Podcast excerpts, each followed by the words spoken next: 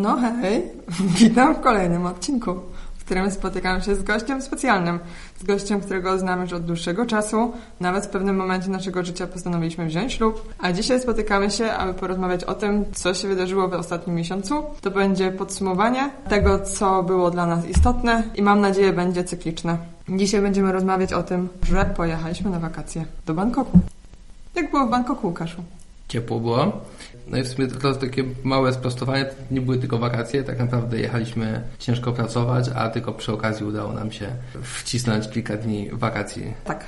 To trochę tłumaczy, dlaczego nie podróżowaliśmy po całej Tajlandii.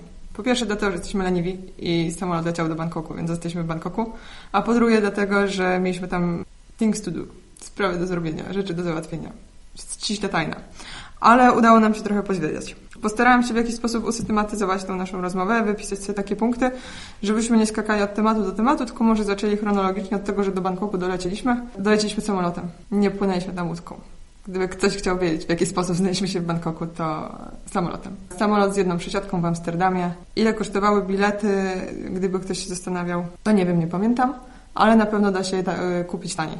My dosyć spontanicznie te bilety kupowaliśmy, musieliśmy tam być w określonym terminie, nie mieliśmy takiej możliwości wyboru.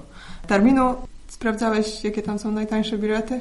Coś? To jest tak, że jeżeli termin nie jest bardzo istotny i tak naprawdę finanse też nie są jakoś strasznie czasne, to trzeba jeszcze około 2000 zł.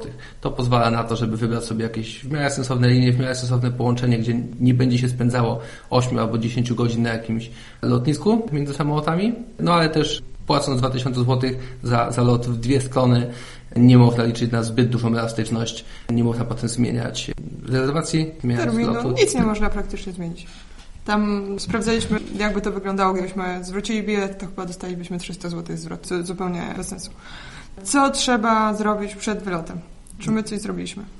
Według mnie warto wziąć swoje słuchawki, bo w samolotach zwykle są całkiem niezłe te systemy, Gry, filmy, cały zestaw multimedialny. ale, ale słuchawki są złe.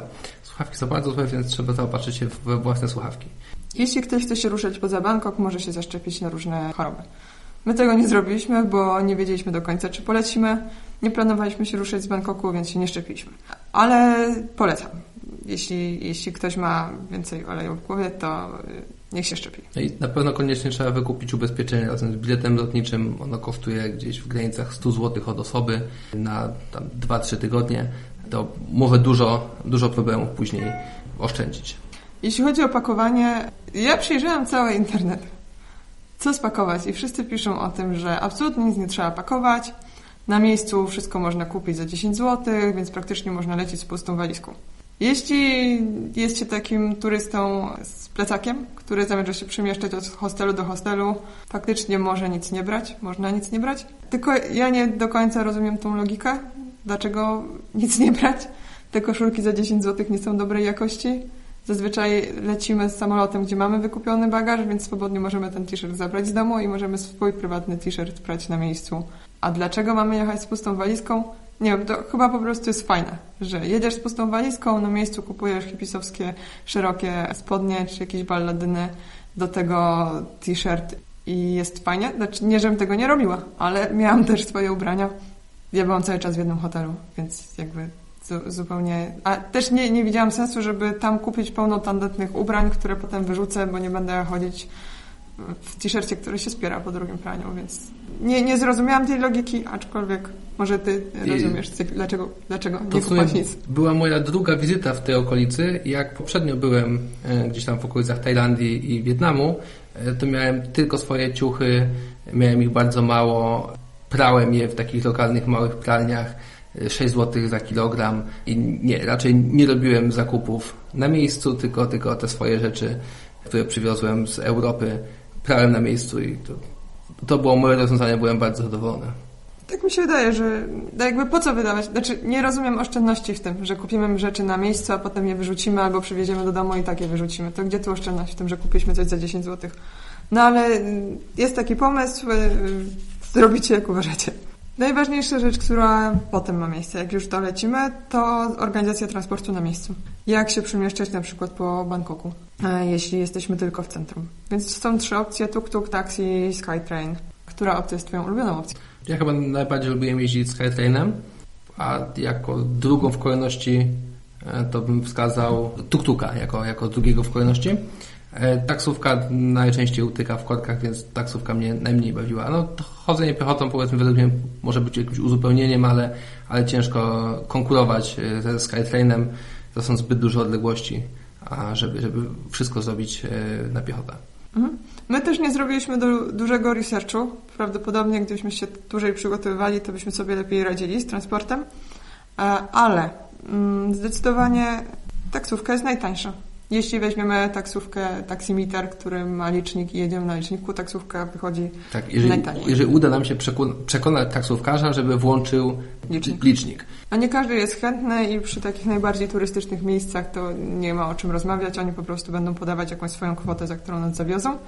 Rozwiązanie jest takie, żeby po prostu troszeczkę dalej odejść od tej Nawet głównej ulicy. 5 minut piechotą w dowolnym kierunku, złapać taksówkę, która jedzie, od samego początku dogadać się, że chcemy e, jechać e, według licznika i to, to jest na pewno najtańsze rozwiązanie e, i na pewno z lotniska. Według mnie nie warto nawet kombinować ze Skytrainem, który akurat gdzieś tam dojeżdża do lotniska, ale warto wziąć normalną publiczną taksówkę, jest taka specjalna kolejka, w której się stoi i te, te taksówki zawsze jadą według licznika. I praktycznie dowolne miejsce w Bangkoku można się dostać za nie więcej niż 30 albo 40 zł za całą taksówkę z bagażem.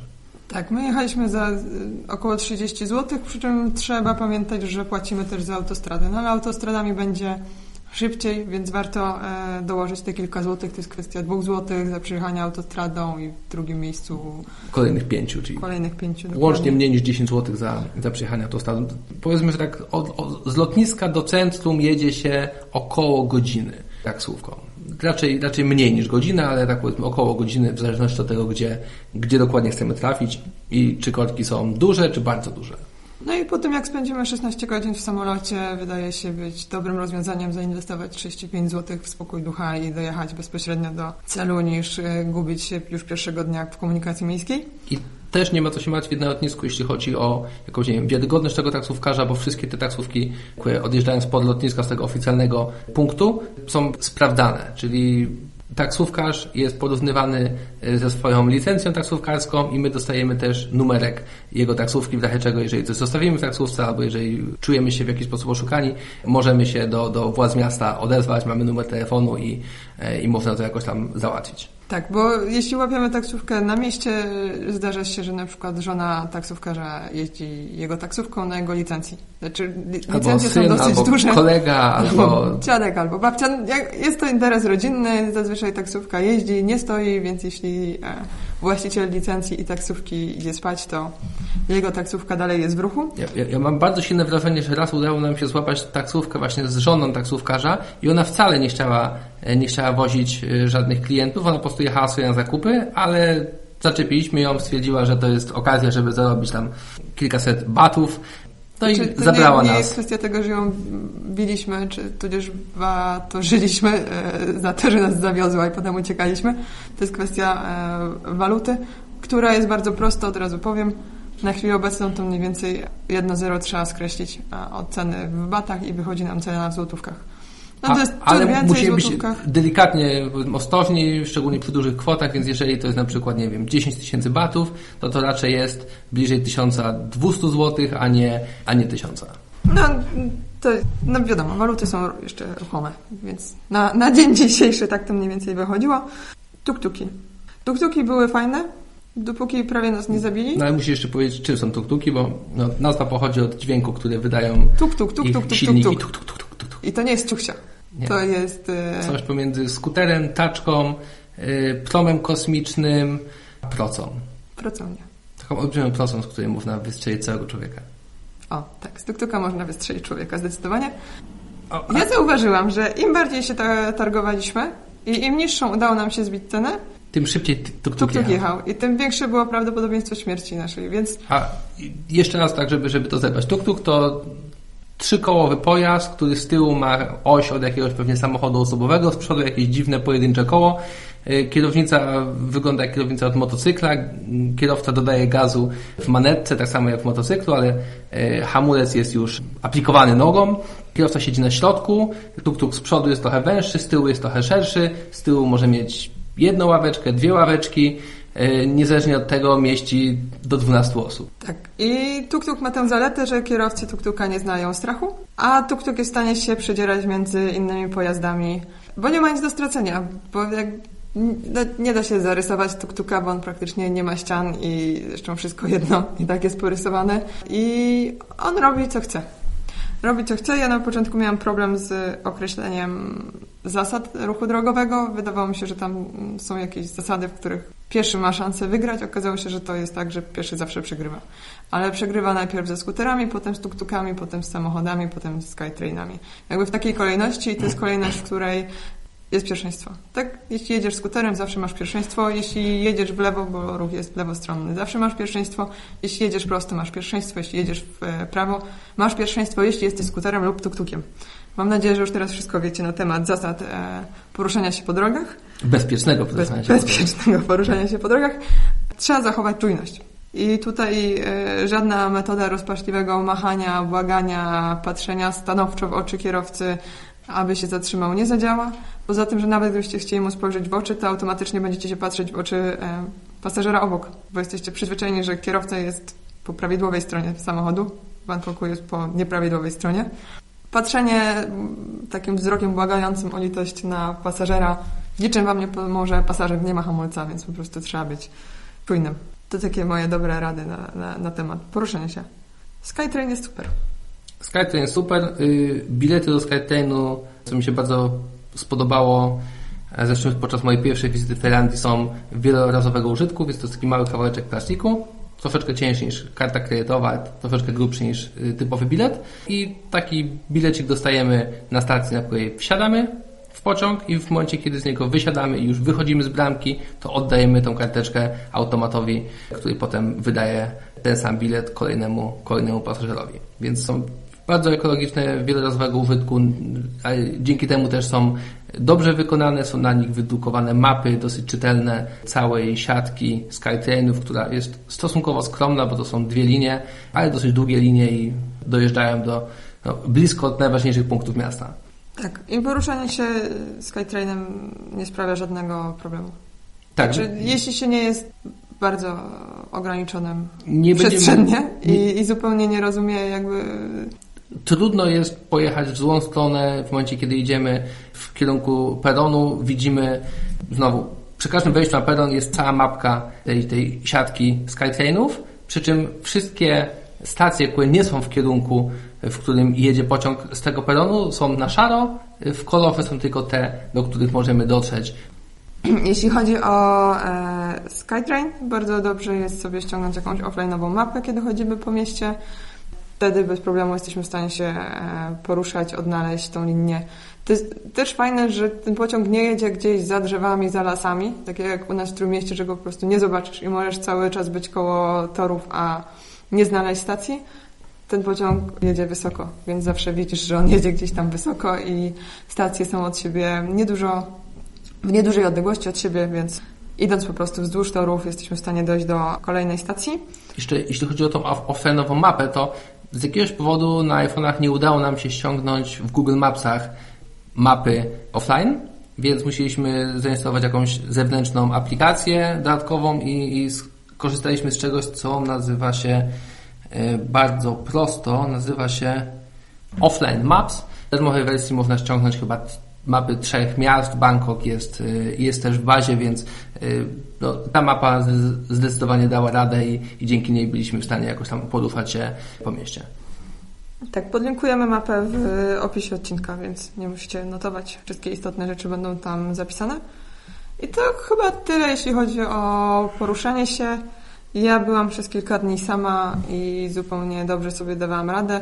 O ile przechodzenie przez ulicę e, jest trudne, i ciężko liczyć na jakieś duże wsparcie, to jeżdżenie komunikacją miejską jest banalnie proste i zawsze ktoś Ci pomoże. Więc nawet jeśli się zamyślisz albo, nie wiem, słuchasz książki, audiobooka i zrobisz minę zakłopotaną, ktoś pomyśli, że się zgubiłeś, od razu do Ciebie podbiegnie, od razu będzie chciał pomóc, od razu wytłumaczy, jak skasować bilet, gdzie wsiąść, gdzie pójść. I to nie jest tylko kwestia dla płci pięknej, ale jak byliśmy razem, albo jak ja byłem sam, to, to tajowe tak samo reagują, bardzo chętnie pomagają wszystkim. Nawet bardziej nam pomagali, e, jak kiedy byliśmy razem. I bardziej nas zaczepiali. Kiedy byłam sama, ludzie mnie tak nie zaczepiali, żebym się po prostu nie poczuła gdzieś tam e, źle. Że ktoś jakieś ma dwuznaczne zamiary się pytając, czy mi pomóc skasować bilet. Kiedy byliśmy razem, dużo więcej e, mieliśmy takich kontaktów, ale też jak ja, kiedy byłam sama, to dużo sprawniej się też poruszałam i starałam się nie wyglądać na zagubioną. Ale to może przejdziemy teraz właśnie od razu do tematu tego poczucia bezpieczeństwa w Bangkoku. Tak. E, Bo Bangkok jest takim miastem, które kojarzy się z, no, z jakąś dzikością. To jest wielkie miasto, które nigdy nie śpi. Są tam duże e, różnice społeczne, więc są bardzo bogaci ludzie, są biedni ludzie. Ruch uliczny jest, jest szalony, tak jak już wspomnieliśmy. Ale prawda jest taka, że już od, pierwszych godzin człowiek czuje się tam bardzo bezpiecznie, bardzo na miejscu. No, mogę się tylko zgodzić. Tak, no, ciężko coś dodać. Mieliśmy obserwacje takie, że za każdym razem, jeśli poprosiliśmy kogoś o pomoc, to ci ludzie się potem czuli zobligowani do tego, żeby pomóc nam już zupełnie we wszystkim. Tak, na przykład jeśli zapytaliśmy się, czy do parku idziemy w prawo, to ci ludzie już musieli się dowiedzieć, czy na pewno e, nie jesteśmy zmęczeni, czy wiemy, gdzie kupić picie, gdy, napoje, gdybyśmy poczuli się spragnieni, czy wiemy, jak potem wrócić do hotelu i zanim od, od nas odeszli, to musieli się upewnić, czy na pewno wszystko z nami w porządku i czy e, niczego nam nie brakuje. Tak samo w każdej sytuacji praktycznie, jeśli potrzebowaliśmy jakiejś pomocy, cokolwiek kupowaliśmy, to każdy jeszcze się pytał, czy w czymś jeszcze może nam pomóc. Ja nie czułam się zagrożona ani przez chwilę, a kilka dni byłam zupełnie sama, byłam zupełnie sama w hotelu, sama szlajałam się po ulicach i to nie było tak, że byłam tylko w centrum. Robiłam sobie spacery w nieznane po prostu, idąc w jakimś tam kierunku, bo wiedziałam, że zawsze jestem w stanie wrócić taksówką za 20 zł. I czasami też szlajaliśmy się zupełnie w środku nocy, w miejscach, które wyglądały na takie powiedzmy trochę podejrzane, w takich bardziej wiem, imprezowych dzielnicach, gdzie, gdzie były tłumy młodych ludzi, ale prawie nigdy ci ludzie nie byli jakoś mocno pijani, e, nigdy nie byli jacyś tak nieprzyjemnie głośni, nie wiem jak to powiedzieć, ale oni sobie gdzieś tam gadali między sobą, ale raczej nie było to takie e, kibicowskie pochukiwanie, raczej, raczej bardziej radosne wymiany zdań między nimi. A więc tak, czy dzień, czy noc. No oczywiście nie chcę brać odpowiedzialności za wasze życie, jak, jak traficie w jakieś miejsce, gdzie niczym w filmie z Ryanem Goslingiem opetną wam ręce, ale no, nam się to nie zdarzyło. Wchodziliśmy w każdą podejrzaną uliczkę, łącznie z takimi, które zdecydowanie wyglądały, jakbyśmy prosili się o, o kłopoty. Na przykład to było napisane skrót do Kaosan Road. Kaosan Road to jest taka najbardziej turystyczna, backpackerska ulica. I ten skrót do Kaosan Road prowadził przez takie zupełnie jakieś wąskie Slamsy, śmietniki. śmietniki, ale tak to był skrót do Kaosan Road. Nie czekała tam śmierć, nie czekało tam grabież, yy, zatute strzałki, nic. Sala boksu tajskiego tam czekała. Po drodze. Tak. E, To tak było, ja się czułam e, niefajnie dwa razy. Raz, kiedy byłam e, sama w hotelu i do pokoju obok się wprowadził człowiek, który wyglądał jak Tomasz Oświęcimski. Nie wiem, czy na pewno kojarzycie takiego aktora i był bardzo duży i bardzo miał specyficzny głos i był Australijczykiem. E, Absolutnie nic złego nie miał na myśli, tylko po prostu był zupełnie przerażający. I, I to była jedna sytuacja. Druga była właśnie w takiej imprezowej części miasta na Soy Cowboy, gdzie pijani Europejczycy się wytoczyli z pubu i po prostu młodzi chłopcy pijani nie, nie są przyjemni. I to były dwie sytuacje, w których mogłabym powiedzieć, że na chwilę przestałam się czuć tak stuprocentowo komfortowo. W innych sytuacjach zupełnie nie, nie miałam problemu. Nie chcę nikogo namawiać na samotne podróże po Bangkoku, natomiast zachęcam. Jedzenie. Co jadłeś, Łukaszu? No, ja jestem raczej wegetarianinem, więc y, głównie jadłem ryż y, z wieprzowiną i różnymi warzywami, bo tak mniej więcej Tajowie rozumieją wegetariańskie jedzenie. A, ale jadłem też różne mm, curry, y, jadłem y, trochę krewetek. Co jeszcze jadłem? A, No bo ty dużo dalej- indyjskiego jedzenia jadłem, bo mają tam bardzo dobre indyjskie jedzenie. Dalej nie zrozumiałeś, na czym polegała istota wegetariańskości Twojego dania, które dostałeś w Chinatown. Ono było wegetariańskie, bo tam nie było żadnego zwierzęcia i żadnego mięsa, tam po prostu było dużo świńskiej skóry. Może tak. Więc ono było wega- wegetariańskie, tak jak nam obiecano i zupełnie bez sensu się awanturujesz. Tak, y, jedzenie wegetariańskie jest trudne. Jedzenie niewegetariańskie też jest trudne, ponieważ ja jem mięso, nie mam nic do mięsa, ale różnego rodzaju kurze łapki, różne dziwne kawałki różnych dziwnych zwierząt i to, że nigdy nie wiesz, y, co to dokładnie jest i z czego to dokładnie pochodzi. Znaczy, zgodnie z zapewnieniami, zazwyczaj jest to kurczak. No, więc ja wierzę w to, że jadłam dużo kurczaka. Dużo kurczaka i, i tego się będę trzymać. Jeśli chodzi o ceny jedzenia. Jeśli chcemy rozmawiać e, o cenach jedzenia, to to nie jest tak, że ono jest darmowe. Ale y, jeżeli ufa się, że ten kurczak na patyku sprzedawany na rogu z takiego mobilnego rożna jest kurczakiem, no to kurczak kosztuje złotówkę za patyk. Na patyku mieszczą się takie trzy małe kawałki kurczaka, które wyglądają trochę tak jak trzy małe kawałki szczura, ale nie, Albo wiewiórki. nie mi oceniać. Znaczy ja jadłam. Ja jadłam. Bardzo słodki kurczak. Bardzo słodki kurczak, bardzo mocno marynowany kurczak. Zupełnie jakby ktoś próbował zamaskować smak wiewiórki. Nie, e, trochę, trochę żartuję. Ale to też nie było bardzo tanio, bo ten, to kosztowało od złotówki do dwóch złotych, a żeby się najeść, powinno się zjeść powiedzmy pięć, czyli za 10 złotych na taki patyki. lunch. Trzy patyki na wystarczyły. No dobra, ale na przykład worek warzyw, worek owoców, takich świeżo krojonych, e, jakiś tam ananas, mango, ichniejsze jabłko, to też była kwestia tam 5 zł, no więc to nie jest tak zupełnie e, darmowe.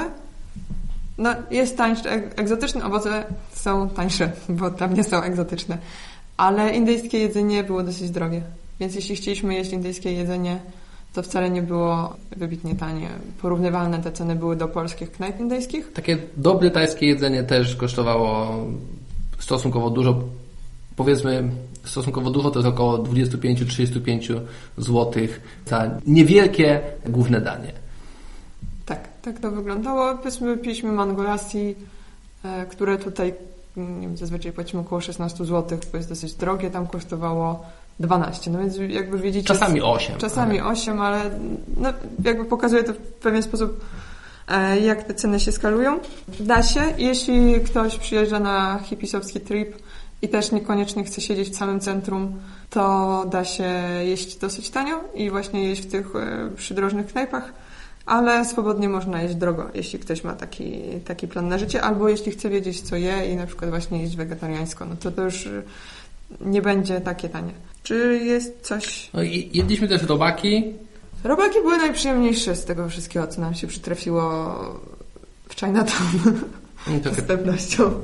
Robaki nie były złe, robaki smakują jak łuski popcornu, które zostają nam na dnie garnka. Przesolone i chrzęszczące. Nic ekstremalnego. Okej, przeszliśmy mniej więcej przez takie kwestie organizacyjne i ogólniki. To może powiemy, co widzieliśmy i co nam się podoba. Ja jestem wielką parką, fanką Lumpini Park? Lumpini Park? Lumpi. Lumpini Park. E, To jest duży park. Bardzo ładny park, rosną tam palmy, e, jest dużo wody, jest ciepło, można się położyć, poleżeć, a e, kontrastuje to z tym, co mamy w okolicy, bo to jest centrum miasta, więc praktycznie siedząc nad wodą widzimy dookoła wieżowce. Ale cały czas jesteśmy w centrum parku, gdzie ludzie ćwiczą, gdzie jest siłownia na świeżym powietrzu, gdzie biegają dzieci, wiewiórki, koty. Do parku można dojechać albo metrem, to praktycznie bezpośrednio, albo Skytrainem, ale wtedy musimy liczyć się z może 10-minutowym spacerem. Nie, bo e, ja potem znalazłam kolejny przystanek Skytrainu i on jest od razu przy parku. Czyli i metrem, i, i Skytrainem można dojechać prawdopodobnie z dwóch stron można wejść tutaj do parku. W ogóle Skytrainem można doje- nie, można pojechać Skytrainem dwoma liniami na dwa różne przystanki i wtedy wchodzimy do parku z dwóch różnych stron. A jeden z tych przystanków Skytrainu jest obok metra. Tak to wygląda, ponieważ byłam w parku nieraz, bo stał się moim ulubionym punktem e, zwiedzania. Z niejednego Skytraina. Szłam do Lumpini Parku. Co jeszcze? Skybar. Skybar też y, podlinkujemy w opisie. Skybarów jest kilka. W sumie obydwa, w których byliśmy, robiły bardzo dobre wrażenie, ale jeden robił takie dosyć niesamowite. Przy czym też w linku zaznaczymy, że ten Skybar ma pewne zagrożenie. Tam na dachu tego hotelu są w sumie jakby dwa oddzielne balkony. Jeden wielki, ładny, przepięknym widokiem, a drugi stosunkowo ciasny i jakby tak schowany. A niekoniecznie wychodząc z windy wiemy, gdzie powinniśmy się kierować, żeby trafić na ten właściwy. Tak, najpierw byliśmy w, w jednym skybarze, potem Łukasz był na spotkaniu w drugim skybarze, be, beze mnie już. I potem do tego drugiego skybaru postanowiliśmy pójść razem i wtedy właśnie zaprowadzili nas na ten inny balkon. No i gdyby nie to, że e, Łukasz wiedział, że to nie jest to miejsce, w które chciał trafić, no to nie zobaczylibyśmy czegoś naprawdę niesamowitego. I raczej czulibyśmy się trochę zawiedzeni. Tak, bo w tym skybarze zazwyczaj trzeba wypić jakiegoś drinka, te drinki też nie są najtańsze. Te kosztują w granicach 90 zł, 50 zł za jednego drinka. Tak. A ja się wychowałam na blokowisku nad morzem i mieszkałam na dziesiątym piętrze, więc dla mnie niskie skybary nie robią wrażenia, bo jakby wychowałam się w skybarze, mogła, mo, mogłabym tak powiedzieć. Znaczy kłamałabym, ale mogłabym tak powiedzieć, więc naprawdę e, szukałam czegoś z takim efektem wow. No i znaleźliśmy. Byliśmy też w zoo. Co robiliśmy w zoo? W zoo byliśmy przestraszani przez wielkiego morskiego gada. E, Zoo jak zoo. No, e, każdy, kto był w zoo... Nie karmiliśmy małp. Nie karmiliśmy. Śmieszna sprawa, małpy napisały proszę nie karmcie nas. I my uważamy, że to było jakieś oszustwo, że żadna y, zdrowa na umyśle małpa nie napisałaby takie kartki. Jakby rozumiemy, że małpy nie powinny być karmione ludzkim jedzeniem, ale, ale na pewno żadna małpa nie napisała proszę nas nie karmić. Tak, więc byliśmy trochę rozczarowani, że oni podrabiają podpisy małp i jakby w ich imieniu coś piszą. W Polsce to chyba nielegalne. No, z dziwnych rzeczy, z dziwnych rzeczy, troszeczkę rasistowskich rzeczy. To w Bankowskim Zoo, takim specjalnym, jest takie specjalne show, które polega na tym, że mają występ Etiopczyków? Etiopczyków. Tańczących y, akrobatów z Etiopii. Takich, y, no wiecie, w, w spódniczkach takich strawy. Z, tak. I oni chodzą na rękach i żonglują i płacimy za to, żeby oni patrzeć, jak oni żonglują. A obok są małpy, a obok są tygrysy, a obok są hipopotamy. Do- Było to dosyć dziwne, ale i tak nie załapaliśmy się na show. Więc nie braliśmy w tym udziału. A, y, opowiedzmy może historię tego zoo. Jak, jak było z tym zoo? Tak, bo to zoo powstało na początku jako prywatny ogród botaniczny jednego z królów, który pewnie nazywał się Rama, bo oni wszyscy nazywali się Rama, pierwszy, drugi, trzeci, czwarty, piąty. Więc król Rama pojechał gdzieś chyba do Europy, zobaczył ogród botaniczny, stwierdził, że on też chciał mieć ogród botaniczny, więc, więc y, obok swojego pałacu ufundował taki ogród bo- botaniczny. W momencie, kiedy Tajlandia stała się monarchią konstytucyjną, król został namówiony na to, żeby podzielić się tym ogrodem e, ze społeczeństwem i ogród został otwarty dla e, publiczności. Mm, No i też troszeczkę poszerzono go o, o zwierzęta, więc to już nie był tylko ogród botaniczny, ale, ale również zoo. To jeszcze, skoro jesteśmy przy anegdotach i królach, to ja może powiem, dlaczego podobno jest e, ruch lewostronny w Tajlandii. Otóż e, podobno przyczyną jest to, że w 1904 roku właśnie książę Tajlandii postanowił sobie e, sprowadzić pierwszy samochód i ściągnął Mercedesa 28 HP z czterocylindrowym silnikiem o mocy 35 koni i ściągnął ten samochód z Niemiec. A akurat w tym czasie Niemcy poruszali się po lewej stronie, bo jeździli tak do roku 1938, a on swój samochód ściągnął w roku 1904. E, tak podobno było. Wydaje mi się to zabawną historią i przez to, że on sobie zamawiał samochody z Niemiec, ja prawie zginęłam wielokrotnie, myląc kierunki jazdy.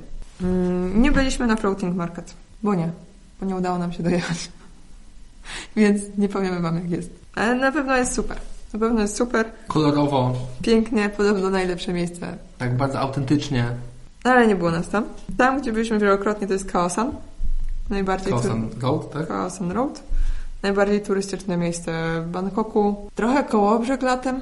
Coś takiego. Znaczy, ja byłam szczęśliwa, obudziła się we mnie sześciolatka, plotłam sobie warkoczyki, robiłam tatuaże z henny i jadłam słodycze. Ale takie miejsce, w którym po prostu przychodzisz napić się piwa, zjeść coś dobrego i robić te wszystkie dziwne rzeczy, które się robi na wakacjach i można robić w każdej nadmorskiej miejscowości e, w Polsce. Tyle, że może tam ciut taniej i może tam się je więcej robaków. Można tam kupić różnego rodzaju bransoletki, selfie sticki, krótkie spodenki Adidasa majtki Calvina Kleina, Srebro. Srebro, Prawdziwe złoto. srebro. tak, wszystko Yy, oryginalne. Ale też można kupić paszporty, brytyjskie prawa jazdy, oczywiście z naszym własnym zdjęciem, karty ID z różnych krajów. Co tam jeszcze było? Aha, yy, Rolexy. Bardzo, bardzo dobrze wykonane Rolexy za około 200 zł. A wiesz, czego tam nie można kupić? Płyt pirackich nie widziałam. Ja widziałem. Tak? Ale na Kaosan, że Były, sprzedawali DVD? były, tak. No, raczej tam CD, CD? ale tak, tak, tak, tak. A myślałam, że nie. Więc, więc wszystko łącznie z, z miłością można kupić na Chaos Road. Można, ale to, co kupiliśmy w dużej ilości, to jest masaż stóp. I robaki. Tak, Kaosan i robaki. Masaż stóp jest taką bardzo popularną rozrywką w Tajlandii. My mieliśmy bardzo fajny salon e, masażu właśnie na Kaosan. Masaż stóp e, pół godziny kosztował 15 zł po całym dniu chodzenia i przy tej temperaturze, kiedy chcesz na chwilę usiąść, odpocząć, to jest fajna sprawa. Trzeba uważać, bo nie wiadomo, które salony masażu są salonami masażu, a które salony masażu nie są salonami masażu, a świadczą kompleksowe usługi z innych zakresów. Natomiast y, problem jest taki, że poza tym, że świadczą kompleksowe usługi z innego zakresów, to one to oni tam nie potrafią masować, więc jakby jest to dosyć skomplikowane, żeby odróżnić jedno miejsce od drugiego. Najlepiej iść tam, gdzie są stare kobiety i mężczyźni. I to jest taka bezpieczna opcja. Chyba, że są to sami młodzi chłopcy, bo takie salony masażu też widzieliśmy i raczej e, niekoniecznie zajmują się one czystym masażem. Tak, więc no, jeśli ktoś nas masuje, dobrze by było, żeby miał jakiekolwiek pojęcie na temat masowania, więc e, trzeba być czujnym. Bądźcie czujni. Mm, jeszcze byliśmy na najfajniejszej, na, najfajniejsza atrakcja. Najfajniejsza atrakcja, która moim zdaniem pływanie łódką. Pływaliśmy łodzią i moim zdaniem to jest rzecz, którą warto zrobić. To nie jest tania sprawa, Około 250 zł za całą łódkę za godzinę, no półtora godzinną wycieczkę. Tak, ale tego się nie da zobaczyć z innej strony, jakby tej części miasta. Tak. Przepływamy przez domy na, na wodzie. Ale jeżeli jest Was więcej, to, to jakby łódka kosztuje ciągle tyle samo. Łódka mieści do 10 osób. Myślisz, mi się wydaje, że... My płynęliśmy w 8 później. Okej. I, I jedna rzecz, którą muszę koniecznie naznaczyć, łódka jest wspaniała, jeżeli wysikamy się wcześniej. Sikajcie wcześniej. I, Ja się staram nie pijcie takie- zbyt dużo piwa w wódce, jeżeli, szczególnie jeżeli nie wysikaliście się wcześniej. No, to, to jest istotne, bo płynie się długo i to jest naprawdę fajna przygoda. Podpływają do Ciebie sprzedawcy różnych rzeczy, głównie browarów, na łódce.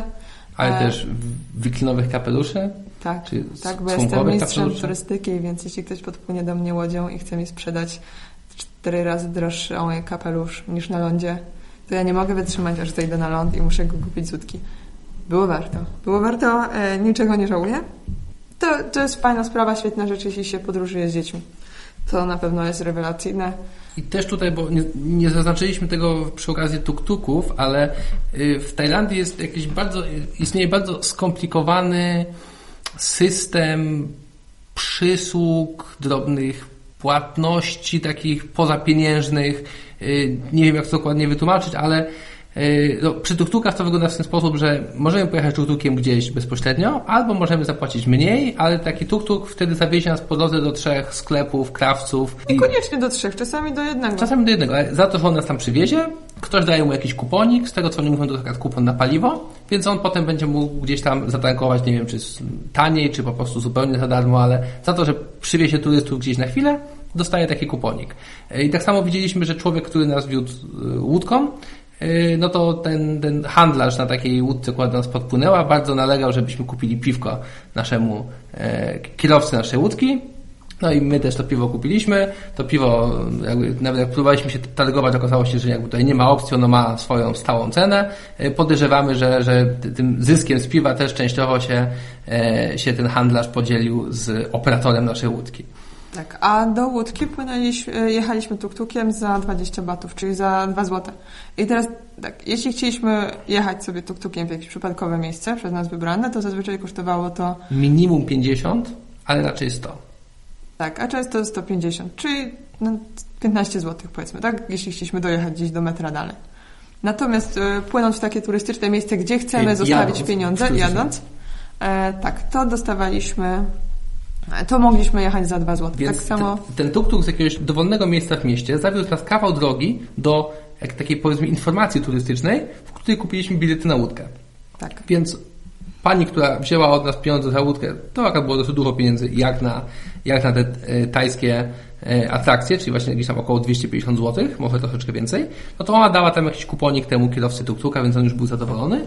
Tak, więc można w ten sposób Jeżeli podróżować. jeżeli się dobrze rozplanuje atrakcje, to tak, to te, te dojazdy pomiędzy atrakcjami mogą być praktycznie darmowe, bo e, oni i tak gdzieś tam dostają jakieś dodatkowe pieniądze, czy na przykład jeżeli prosimy, żeby zawieźć nas na dyskotekę, e, to też ta dyskoteka daje im jakieś, e, nie wiem, czy pieniądze, czy, czy też te kupony na, na paliwo, ale na pewno w jakiś sposób gdzieś tam poza nami się rozliczają. Tak. Też jechaliśmy do zoo praktycznie za darmo, ponieważ akurat też spotkaliśmy jakąś osobę, która nam powiedziała na ulicy o tym, że jest Dzień Świątyń i tuktuki z Żółtymi flagami. flagami. Właśnie, bo tu jeszcze ciekawostka propos tuk-tuków.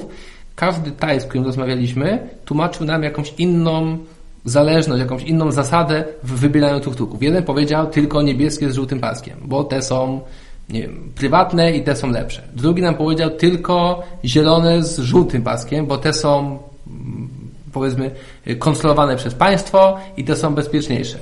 Trzeci powiedział nam Zupełnie nie pamiętam, co nam powiedział. żółta flaga. Że żółta flaga. Że żółta flaga poprowadzi nas do świątyń, a jeśli grzecznie odwiedzimy świątynię, to będziemy mogli, e, to zostaniemy zawiezieni do zoo, bo tak chcieliśmy. Więc e, odwiedźmy podróż po świątyniach, co też było interesujące. To nie było tak, że świątynie nas nie interesowały. Natomiast nie były to najbardziej e, sławne, słynne e, świątynie. Raczej Tajowie dziwili się, że tam przyjechaliśmy i pytali się, czy jesteśmy buddystami, bo to nie były takie atrakcje turystyczne, tylko raczej prawdziwe religijne miejsca kultu. Tak, i kierowca sprawdzał, czy na pewno e, grzecznie zwiedzamy świątynię, czy się nie obijamy, czy wszystko zobaczyliśmy. Czyli przeszliśmy trzy razy dookoła świątyni. Tak, ponieważ e, różne świątynie i różne zachowania w świątyniach miały nam zagwarantować różne profity. Więc e, zawiózł nas do świątyni, w której mieliśmy e, obmaszerować trzy razy i zapewniał, że absolutnie się nigdzie nie spieszymy, on może na nas poczekać i mamy maszerować, bo nas nigdzie nie zabierze, jak nie przemaszerujemy naszych trzech okrążeń. Jak już jesteśmy przy świątyniach, to ja tylko podam dwie nazwy świątyń, yy, tych takich bardziej turystycznych. Jed, obydwie te świątynie są przy rzece, tak naprawdę po dwóch stronach rzeki w jednym miejscu. Jedna to jest Wat Arun i to jest taka świątynia, w której są bardzo ładne takie pagody, Tak. takie pagody y, wyłożone bardzo taką misterną mozaiką, jakimiś takimi porcelanowymi y, elementami, a po drugiej stronie rzeki y, jest Wat Pra Chetpron, ale ta nazwa nie jest aż tak istotna. Istotne jest to, że to jest świątynia z olbrzymim leżącym Buddą. Więc jeżeli poprosimy kogoś, żeby nas zawiózł albo wskazał nam Reclining Buddha Temple, to bez problemu nas tam pokierują. I to są dwie takie świątynie, które naprawdę warto odwiedzić. Obydwa te kompleksy są duże, więc w każdym z nich można spędzić e, swobodnie ponad godzinę, zrobić dużo zdjęć, obejrzeć, obejrzeć bardzo dużo e, różnych rzeczy, od małych figurek przez jakieś pagody, same świątynie. I stamtąd można też popłynąć e, na wycieczkę łodzią. Tak. Więc to jest dobry pomysł na taki jeden dzień, kiedy rano sobie powiedzmy zwiedzamy świątynię, a potem płyniemy łodzią. I też bardzo polecamy jedno miejsce, które widzieliśmy tylko z zapłotu, ale to jest takie obowiązkowe miejsce, jak kiedyś będziemy jeszcze gdzieś tam przejeżdżali przez Bangkok, na pewno tam wpadniemy. To jest The Grand Palace i to jest ten pałac króla. E, Tam jest i pałac, i kilka świątyń y, na tym terenie. Tam wejście jest stosunkowo drogie, bo ono kosztuje y, dla nietajów chyba około 50 zł, ale miejsce jest na pewno, na pewno warte, warte obejrzenia. Też gdzieś tam podlinkujemy, podlinkujemy to miejsce. Pałac jest bardzo blisko tej świątyni y, z leżącym Buddą. Praktycznie dotarliśmy do końca, do końca naszej rozmowy. Zostało nam ostatnie miejsce, e, w którym byliśmy. To jest e, miejsce super turystyczne i super znane. Miejsce, o które wszyscy się pytają, kiedy się mówi, że było się w Bangkoku. Znaczy, takich miejsc jest kilka, a takich ulic jest kilka. My byliśmy na ulicy Sołikowej. A, nie wiem, co powiedzieć. No, to jest taka ulica Czerwonych Latarni. Tak, ale bardzo turystyczna, więc... Stosunkowo niewinna, nie jest to jakieś takie odrażające miejsce, y, ale też nie jest jakieś niesłychanie fascynujące. To jest tak, że można tam spotkać bardzo dużo turystów, którzy przyszli po prostu z czystej ciekawości. E, można tam spotkać dużo nastoletnich chłopaków, którzy przyjechali na wakacje e, do Bangkoku i pierwsze co zrobili, to pobiegli na Sejkowo, żeby zobaczyć dziewczynę w bieliźnie. No i strasznie są tym podekscytowani. My jesteśmy starzy. Może to być kwestia, e, kwestia wieku. No, można się przejść. Sejkowo ma ile metrów? E, 150. 150 metrów. y, I jest w centrum, więc po prostu I wchodzimy. piwo kosztuje 20 zł, tak naprawdę, więc też nie jest jakieś bardzo drogie. Tam obsługa się nie narzuca, więc jeżeli ktoś chce sobie usiąść, posiedzieć chwilę tam, zobaczyć co tam się dzieje, to swobodnie można wejść, to nie jest takie... Ale spoiler. Spoiler, powiemy wam co się dzieje. Panie tańczą w bieliźnie lub bez. Tak. No, zepsuliśmy wam niespodziankę. Stosunkowo kiepsko trzymając się rytmu. Bardzo kiepsko trzymając się rytmu. E, ale to, to jest to jakaś turystyczna atrakcja. Są tam też e, bardziej obrzydliwe rzeczy, ale nas tam nie było, więc nie wiemy. I oczywiście to jest też bardzo blisko Skytrainu.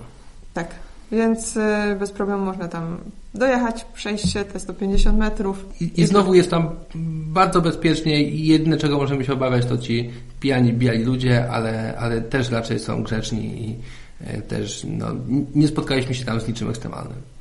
Tak, więc no, nie zabierajcie tam dzieci. I tyle. Chociaż wszystko jest ślicznie na różowo y, podświetlone. No i, ale cały czas nie zabierajcie tam dzieci. A spotkamy się prawdopodobnie za jakiś czas i znowu będziemy w tym składzie rozmawiać. Może porozmawiamy o technologii. Tak, to nie będzie zawsze o podróżach i nie zawsze będziemy opowiadać o tym dziwnych rzeczach, które robiliśmy, bo przyznajmy się do tego, nie zawsze robimy fascynujące, interesujące rzeczy, ale dużo rzeczy jest wartych skomentowania, opowiedzenia, więc myślę, że będzie to taki odcinek, w którym powiemy, jaki widzieliśmy serial, jaki widzieliśmy film, dlaczego mi się ten film podobał, a Łukaszowi nie. I o drugim filmie, który widzieliśmy, który podobał się Łukaszowi, a mi nie. Taka o rozmowa. Do zobaczenia wkrótce. A Usłyszenia. Usłyszenia.